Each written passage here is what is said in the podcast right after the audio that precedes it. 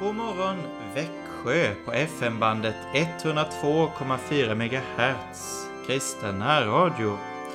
Jag heter Joakim Brandt Erlandsson och är pastorsadjunkt i Helga Trefaldighets församling i Alvesta och Sankt Andreas Lutherska församling i Emmaboda. Vi inleder med Ej silver, ej guld.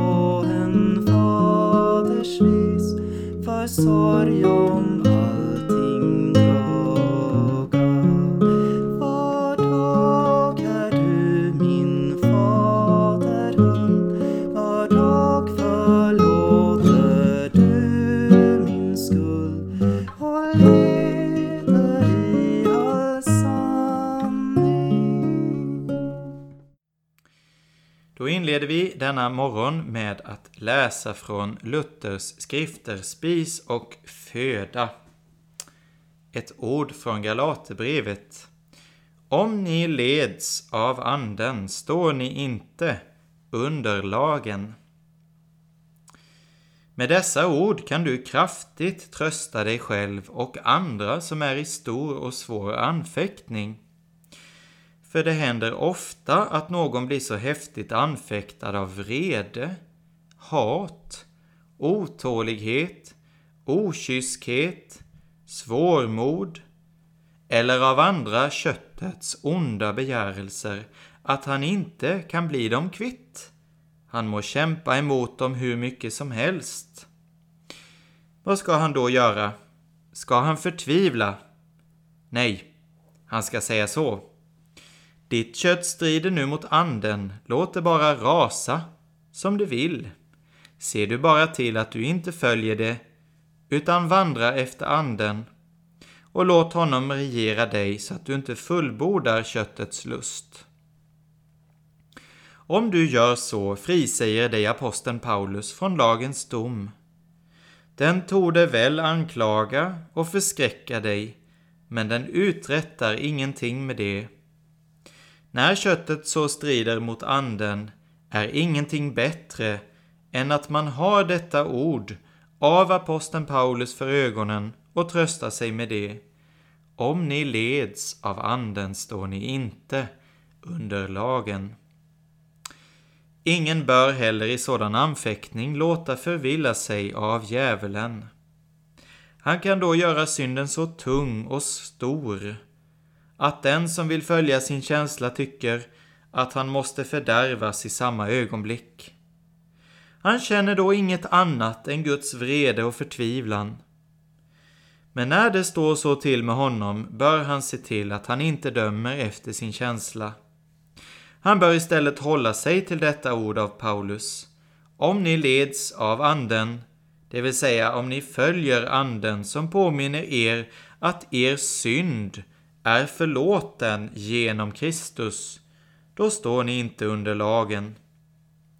Inte för att ni ska fortfara i den, utan för att ni ska dö ifrån den och sedan leva ett nytt liv. Den som gör detta ska väl kunna bestå och lätt utsläcka alla den ondes glödande skott som skulle såra honom.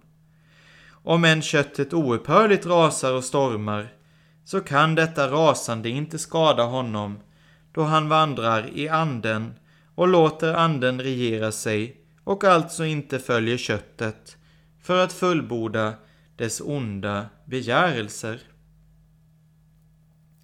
Det enda botemedlet när köttet rasar är just detta, att vi genast griper till Andens svärd, Guds ord.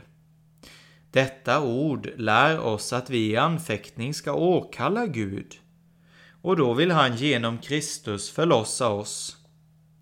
Om vi alltså strider mot köttet ska det inte slå fel att vi ska övervinna och segra till sist. Visst känns det på ett helt annat sätt så länge striden under anfäktningen pågår. Men förlorar man Guds ord ur sikte så är allt förlorat och det finns varken hjälp eller råd. Så är nu det summan, att helgonen, de som genom tron på Kristus är försonade med Gud, inte kan fullgöra vad Anden vill. Anden vill att de ska vara fullkomligt rena och fläckfria. Men köttet i dem tillåter inte detta. Ändå är de saliga när de genom Kristus har syndernas förlåtelse. Då de dessutom regeras av Anden så är de inte under lagen, det vill säga lagen kan inte anklaga eller förskräcka dem. Om den än gör det så kan den inte driva dem till förtvivlan. Om ni leds av Anden står ni inte under lagen. Att hava dig till far och vän, visst är det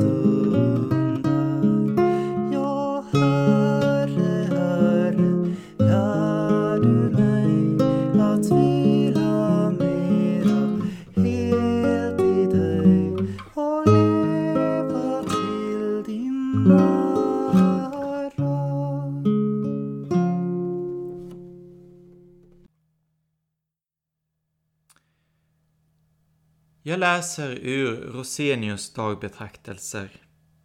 Han, kvinnans säd, Kristus, ska krossa ditt huvud och du ska hugga honom i hälen. Han ska krossa ditt huvud och du ska hugga honom i hälen. Här planteras det första fröet till Guds evangelium. det blev till tröst och salighet för de första människorna. Ur detta spirar också den späda planta, varifrån hela Guds nåderike på jorden växer fram. Lägg märke till hur Herren börjar och slutar sitt strafftal till Satan. Eftersom du har gjort detta, fört människan in i synd och förbannelse, ska han, kvinnans säd, krossa ditt huvud. Herrens vrede brinner till den grad att han vill hämnas vårt syndafall och säger till frestaren Ditt huvud ska trampas sönder, krossas därför att du har gjort detta. Här tar Herren vårt parti och står på vår sida i kampen mot Satan för att frälsa oss. I sin vrede använder han de strängaste hotelser. Vad kan vara mer dödande och förskräckligt för ormen än att veta att hans huvud ska krossas, trampas sönder. Dessa ord måste ha satt skräck och fasa i den listige Satan. Se hur Gud brinner av kärlek till människan, sin förlorade son. Aldrig har Kristus varit så upptänd av vrede som när han talar om dem som förför de små barnen som tror på honom. Han använder de mest avskräckande ord då han talar om en kvarnsten som borde bindas om halsen på en sådan och sänka honom i havets djup. Vi förstår att Guds hjärta brinner av kärlek och att han inte är så likgiltig för oss som vårt icke-troende hjärta vill påskina.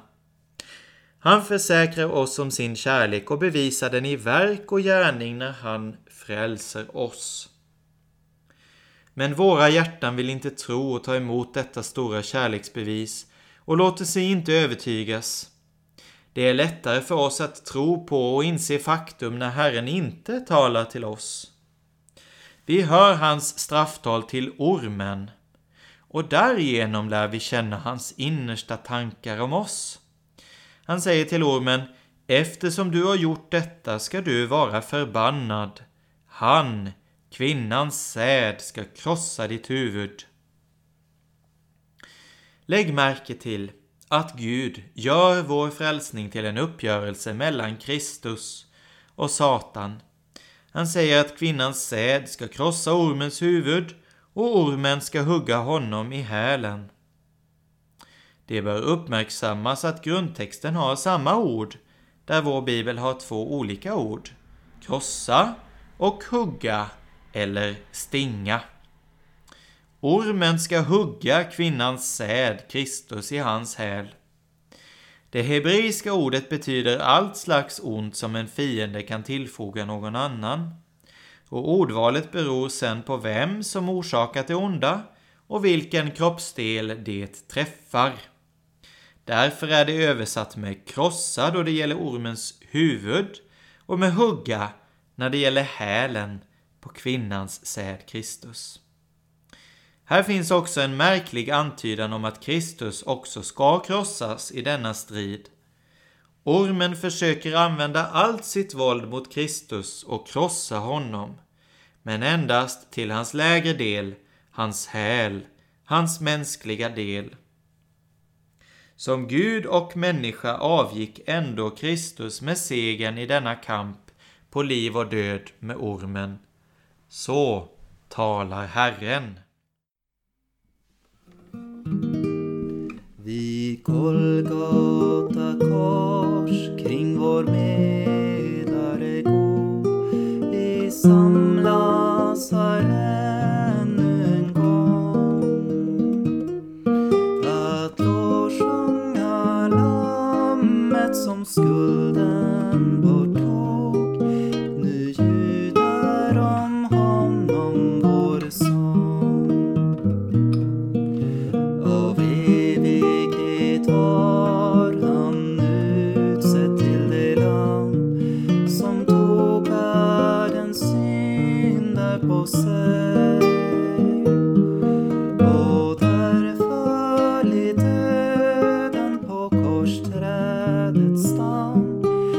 Istället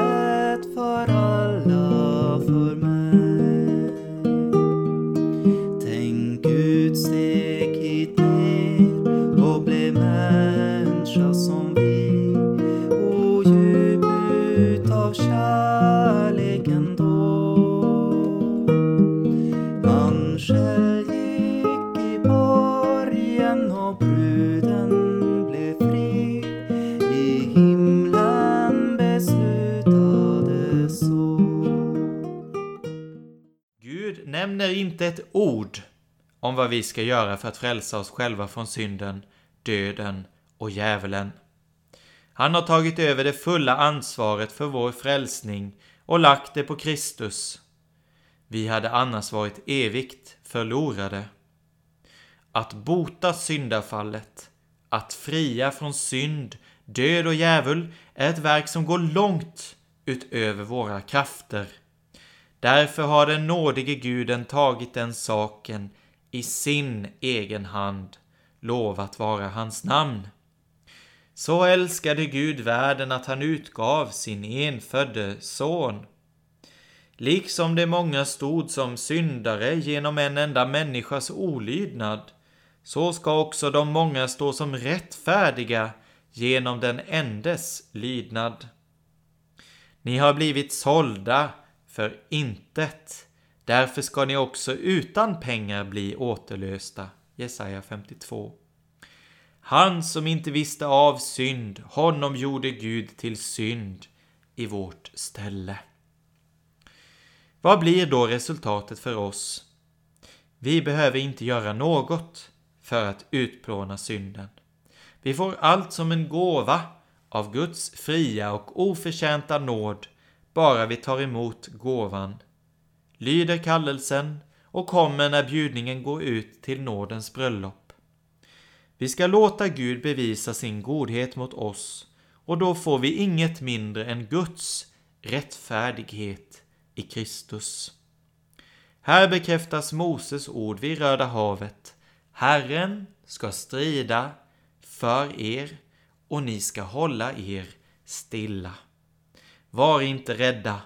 Stanna upp och bevittna den frälsning som Herren idag ska ge er. Herre, föröka vår tro. Han, kvinnans säd, Kristus, ska krossa ditt huvud och du ska hugga honom i hälen. Amen. Mitt skuldbrev i korsträdet spikades fast blev inlöst med frälsarens blod.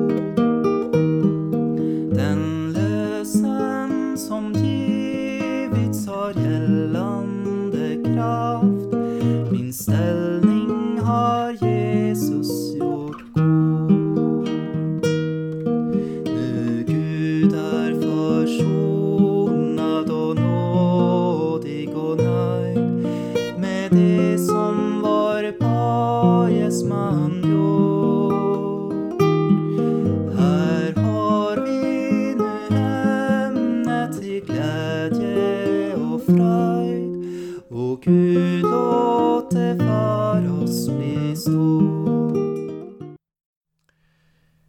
Jag läser från andaktsboken Livets segerkrans av Hans-Erik Nissen. Mitt barn, hämta nu kraft i den nåd som finns hos Kristus Jesus. Mitt barn, hämta nu kraft i den nåd som finns hos Kristus Jesus. Varför faller du i samma synd gång på gång? Du ber Gud om att bli befriad, men det har inte blivit annorlunda. Du säger, det kan väl inte vara riktigt att en kristen ska bli kvar i synden? Det är det inte heller. Gud har gett dig ett motgift mot synden. Motgiftet är inte ett nytt beslut eller en förnyad överlåtelse. Kanske tycker du att det låter underligt, men segervapnet är nåden. Nåden har du inte användning för endast efter att du har syndat. Du har i lika hög grad användning för den innan du gör det. Nåden är en kraft som gör dig stark, men den gör dig inte stark i dig själv. Du äger kraften endast så länge du blir kvar i nåden. Den kommer Jesus. Gud räcker den, dig den från sitt kors. Där gick Jesus in under syndens skuld. Men inte bara det, han bröt också syndens makt. Han segrade över alla ondskans makter i dig och omkring dig och Jesus har dragit dig in i sitt triumftåg. Synden har ingenting att kräva av dig. Jesus har frälst dig helt och fullt ut ur dess makt. Ju mer du lever i denna seger, desto starkare är du. Du segrar inte i kraft av något av ditt eget, utan endast genom den nåd som gör dig stark. Mitt barn, hämta nu kraft i den nåd som finns hos Kristus Jesus. Tag nu av hans överflödande nåd som för oss uppfyllde Guds lag. Med bättring och allt skall det sedan bli råd vad än du behöver förstå.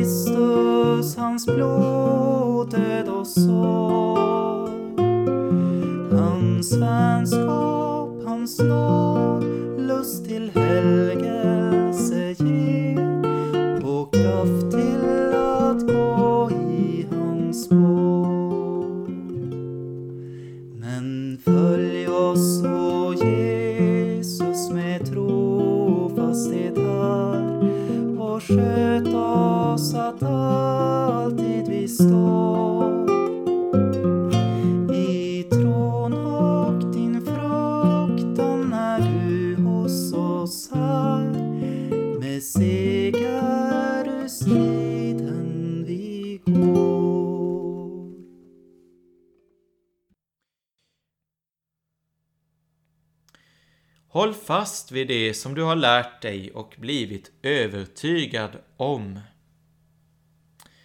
Det är inte så få predikanter som predikade bättre i sin ungdom än de gör idag. Det beror på att de inte hållit fast vid det som de har lärt sig och blivit övertygade om. Och detta är en fara inte bara för förkunnare utan även för varje kristen. När den levande guden genom sitt ord och genom sin ande har övertygat dig om sanningen vill han att du ska vara trogen. Du får inte överge den övertygelsen för att hålla dig väl med andra. Sanningen förändras ju inte därför att så mycket annat gör det. Många kristna har slutat i en andefattig kristendom därför att de inte höll fast vid det som de innerst inne var övertygade om. De är ett varnande exempel. Gå inte i deras fotspår. Ge istället den heliga Andes övertygande gärning fritt spelrum i både hjärta och liv. Det är vägen för att själv nå målet och det är vägen för att hjälpa andra att göra detsamma. Det finns kristna som har burit trons tända fackla genom andligt mörka och förvirrande tider. Några av dem har till och med fått bära elden in i nya väckelsetider. Alla är de en levande bekräftelse på att löftena håller. Dödsrikets portar ska inte få makt över Guds församling. Låt oss be. Ja, Far i himlen, vi tackar dig för att den som leds av din ande inte står under lagen utan har syndernas förlåtelse i Kristus Jesus. Vi tackar dig för att han har krossat ormens huvud. Ja, han fullgjorde vad vi borde och blev vår rättfärdighet. Vi förlossas, ormen krossas, avgrundens och dödens makt nu är bunden från den stunden allt är sonen underlagt. Herre, låt oss hämta kraft i den nåd som finns hos Kristus Jesus. Ja, Herre, låt du oss få hålla fast vid det som vi har blivit övertygade om i ditt heliga ord. Fader vår som är i himmelen. Helgat varde ditt namn. Tillkommer ditt rike. Ske din vilja så som i himmelen så och på jorden. Vårt dagliga bröd ge oss idag och förlåt oss våra skulder så som och vi förlåta dem oss skyldiga är. Och inled oss inte i frestelse utan fräls oss ifrån ondo. Ty riket är ditt och makten och härligheten i evighet. Amen. Vi tror på Gud Fader allsmäktig, himmelens och jordens skapare. Vi tror och på Jesus Kristus, hans enfödde Son, vår Herre, vilken är avlad av den heliga Ande, född av jungfru Maria, pinad under Pontius Pilatus, korsfäst, död och begraven, nederstigen till dödsriket, på tredje dagen uppstånden igen ifrån de döda, uppstigen till himmelen, sittande på allsmäktig Gud Faders högra sida, därifrån igenkommande till att döma levande och döda. Vi tror och på den helige Ande, en helig allmännelig kyrka, det heliga samfund, syndernas förlåtelse, kroppens uppståndelse och ett evigt liv. Ta emot Herrens välsignelse. Herren välsigne dig och bevara dig. Herren låter sitt ansikte lysa över dig och vara dig nådig. Herren vände sitt ansikte till dig och give dig frid. I Faderns och Sonens och den helige Andes namn. Amen. Ja, Guds frid i vår uppståndne Herre och Frälsare Jesus Kristus. Låt